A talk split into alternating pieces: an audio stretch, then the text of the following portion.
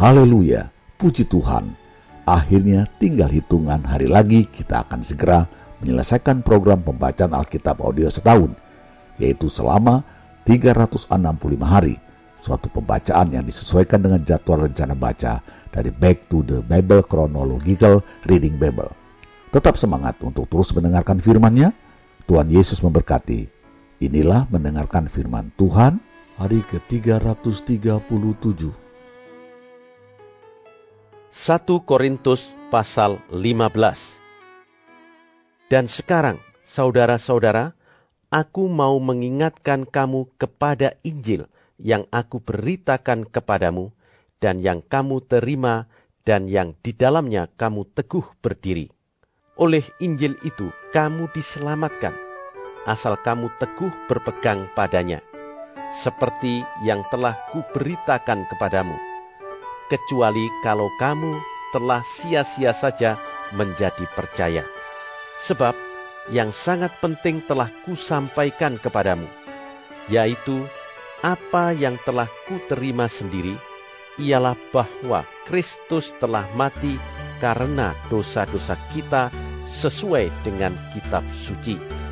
Bahwa ia telah dikuburkan dan bahwa ia telah dibangkitkan pada hari yang ketiga sesuai dengan kitab suci, bahwa ia telah menampakkan diri kepada Kefas dan kemudian kepada kedua belas muridnya. Sesudah itu, ia menampakkan diri kepada lebih dari 500 saudara sekaligus, kebanyakan dari mereka masih hidup sampai sekarang, tetapi beberapa di antaranya telah meninggal. Selanjutnya, ia menampakkan diri kepada Yakubus, kemudian kepada semua rasul. Dan yang paling akhir dari semuanya, ia menampakkan diri juga kepadaku, sama seperti kepada anak yang lahir sebelum waktunya. Karena aku adalah yang paling hina dari semua rasul, bahkan tidak layak disebut rasul, sebab aku telah menganiaya jemaat Allah. Tetapi karena kasih karunia Allah, aku adalah sebagaimana aku ada sekarang, dan kasih karunia yang dianugerahkannya kepadaku tidak sia-sia. Sebaliknya, aku telah bekerja lebih keras daripada mereka semua, tetapi bukannya aku, melainkan kasih karunia Allah yang menyertai aku. Sebab itu, baik aku maupun mereka, demikianlah kami mengajar, dan demikianlah kamu menjadi percaya. Jadi, bila mana kami beritakan bahwa Kristus dibangkitkan dari antara orang mati, bagaimana mungkin ada di antara kamu yang mengatakan bahwa tidak ada kebangkitan orang mati?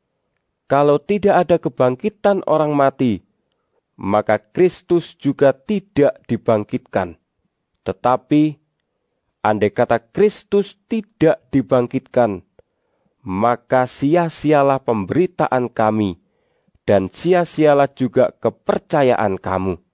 Lebih daripada itu, kami ternyata berdusta terhadap Allah, karena tentang Dia kami katakan bahwa Ia telah membangkitkan Kristus, padahal Ia tidak membangkitkannya. Kalau andai kata benar bahwa orang mati tidak dibangkitkan, sebab jika benar orang mati tidak dibangkitkan, maka Kristus juga tidak dibangkitkan. Dan jika Kristus tidak dibangkitkan, maka sia-sialah kepercayaan kamu, dan kamu masih hidup dalam dosamu. Demikianlah binasa juga orang-orang yang mati dalam Kristus. Jikalau kita hanya dalam hidup ini saja menaruh pengharapan pada Kristus, maka kita adalah orang-orang yang paling malang dari segala manusia. Tetapi yang benar ialah bahwa Kristus telah dibangkitkan dari antara orang mati sebagai yang sulung dari orang-orang yang telah meninggal. Sebab sama seperti maut datang karena satu orang manusia, demikian juga kebangkitan orang mati datang karena satu orang manusia. Karena sama seperti semua orang mati dalam persekutuan dengan Adam, demikian pula semua orang akan dihidupkan kembali dalam persekutuan dengan Kristus. Tetapi tiap-tiap orang menurut urutannya. Kristus sebagai buah sulung, sesudah itu mereka yang menjadi miliknya pada waktu kedatangannya. Kemudian tiba kesudahannya, yaitu bila mana ia menyerahkan kerajaan kepada Allah Bapa sesudah ia membinasakan segala pemerintahan, kekuasaan, dan kekuatan. Karena ia harus memegang pemerintahan sebagai raja sampai Allah meletakkan semua musuhnya di bawah kakinya. Musuh yang terakhir yang dibinasakan ialah maut. Sebab segala sesuatu telah ditaklukkannya di bawah kakinya. Tetapi kalau dikatakan bahwa segala sesuatu telah ditaklukkan, maka teranglah bahwa ia sendiri yang telah menaklukkan segala sesuatu di bawah kaki Kristus itu tidak termasuk di dalamnya. Tetapi kalau segala sesuatu telah ditaklukkan di bawah Kristus, maka ia sendiri sebagai anak akan menaklukkan dirinya di bawah dia yang telah menaklukkan segala sesuatu di bawahnya, supaya Allah menjadi semua di dalam semua. Jika tidak demikian, apakah faedahnya perbuatan orang-orang yang dibaptis bagi orang mati? Kalau orang mati sama sekali tidak dibangkitkan, mengapa mereka mau dibaptis bagi orang-orang yang telah meninggal? dan kami juga.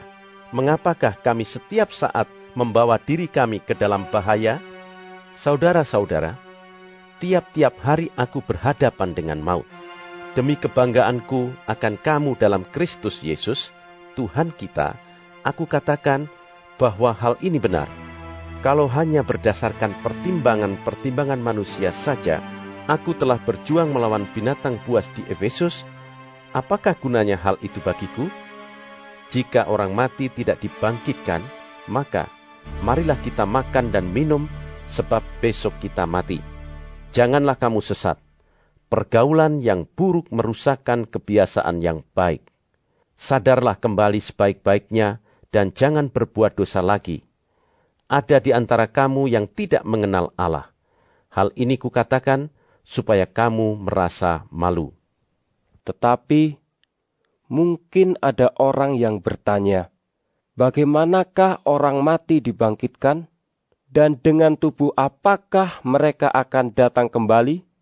Hai orang bodoh, apa yang engkau sendiri taburkan tidak akan tumbuh dan hidup kalau ia tidak mati dahulu. Dan yang engkau taburkan bukanlah tubuh tanaman yang akan tumbuh, tetapi biji yang tidak berkulit, umpamanya biji gandum atau biji lain.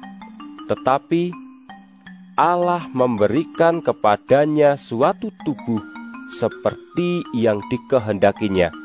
Ia memberikan kepada tiap-tiap biji tubuhnya sendiri. Bukan semua daging sama. Daging manusia lain daripada daging binatang, lain daripada daging burung, lain daripada daging ikan, ada tubuh sorgawi dan ada tubuh duniawi. Tetapi kemuliaan tubuh sorgawi lain daripada kemuliaan tubuh duniawi. Kemuliaan matahari lain daripada kemuliaan bulan. Dan kemuliaan bulan lain daripada kemuliaan bintang-bintang. Dan kemuliaan bintang yang satu berbeda dengan kemuliaan bintang yang lain. Demikianlah pula halnya dengan kebangkitan orang mati. Ditaburkan dalam kebinasaan, dibangkitkan dalam ketidakbinasaan. Ditaburkan dalam kehinaan, dibangkitkan dalam kemuliaan. Ditaburkan dalam kelemahan, dibangkitkan dalam kekuatan. Yang ditaburkan adalah tubuh alamiah, yang dibangkitkan adalah tubuh rohaniah. Jika ada tubuh alamiah, maka ada pula tubuh rohaniah. Seperti ada tertulis, manusia pertama, Adam menjadi makhluk yang hidup, tetapi Adam yang akhir menjadi roh yang menghidupkan. Tetapi yang mula-mula datang bukanlah yang rohaniah, tetapi yang alamiah, kemudian barulah datang yang rohaniah. Manusia pertama berasal dari debu tanah dan bersifat jasmani. Manusia kedua berasal dari sorga. Makhluk-makhluk alamiah sama dengan dia yang berasal dari debu tanah, dan makhluk-makhluk surgawi sama dengan dia yang berasal dari sorga sama seperti kita telah memakai rupa dari yang alamiah, demikian pula kita akan memakai rupa dari yang surgawi. Saudara-saudara, inilah yang hendak kukatakan kepadamu, yaitu bahwa daging dan darah tidak mendapat bagian dalam kerajaan Allah dan bahwa yang binasa tidak mendapat bagian dalam apa yang tidak binasa. Sesungguhnya, aku menyatakan kepadamu suatu rahasia. Kita tidak akan mati semuanya, tetapi kita semuanya akan diubah dalam sekejap mata pada waktu bunyi nafiri yang terakhir. Sebab nafiri akan berbunyi, dan orang-orang mati akan dibangkitkan dalam keadaan yang tidak dapat binasa, dan kita semua akan diubah karena yang dapat binasa ini harus mengenakan yang tidak dapat binasa, dan yang dapat mati ini harus mengenakan yang tidak dapat mati. Dan sesudah yang dapat binasa ini mengenakan yang tidak dapat binasa, dan yang dapat mati ini mengenakan yang tidak dapat mati, maka akan genaplah firman Tuhan yang tertulis. Maut telah ditelan dalam kemenangan Hai maut, di manakah kemenanganmu? Hai maut, di manakah sengatmu? Sengat maut ialah dosa, dan kuasa dosa ialah hukum Taurat. Tetapi syukur kepada Allah yang telah memberikan kepada kita kemenangan oleh Yesus Kristus, Tuhan kita. Karena itu, saudara-saudaraku yang kekasih, berdirilah teguh, jangan goyah, dan giatlah selalu dalam pekerjaan Tuhan. Sebab kamu tahu bahwa dalam persekutuan dengan Tuhan jerih payahmu tidak sia-sia. 1 Korintus pasal 16 Tentang pengumpulan uang bagi orang-orang kudus, hendaklah kamu berbuat sesuai dengan petunjuk-petunjuk yang kuberikan kepada jemaat-jemaat di Galatia pada hari pertama dari tiap-tiap minggu, hendaklah kamu masing-masing sesuai dengan apa yang kamu peroleh, menyisihkan sesuatu dan menyimpannya di rumah, supaya jangan pengumpulan itu baru diadakan kalau aku datang. Sesudah aku tiba, aku akan mengutus orang-orang yang kamu anggap layak dengan surat ke Yerusalem untuk menyampaikan pemberianmu kalau ternyata penting bahwa aku juga pergi, maka mereka akan pergi bersama-sama dengan aku. Aku akan datang kepadamu sesudah aku melintasi Makedonia, sebab aku akan melintasi Makedonia.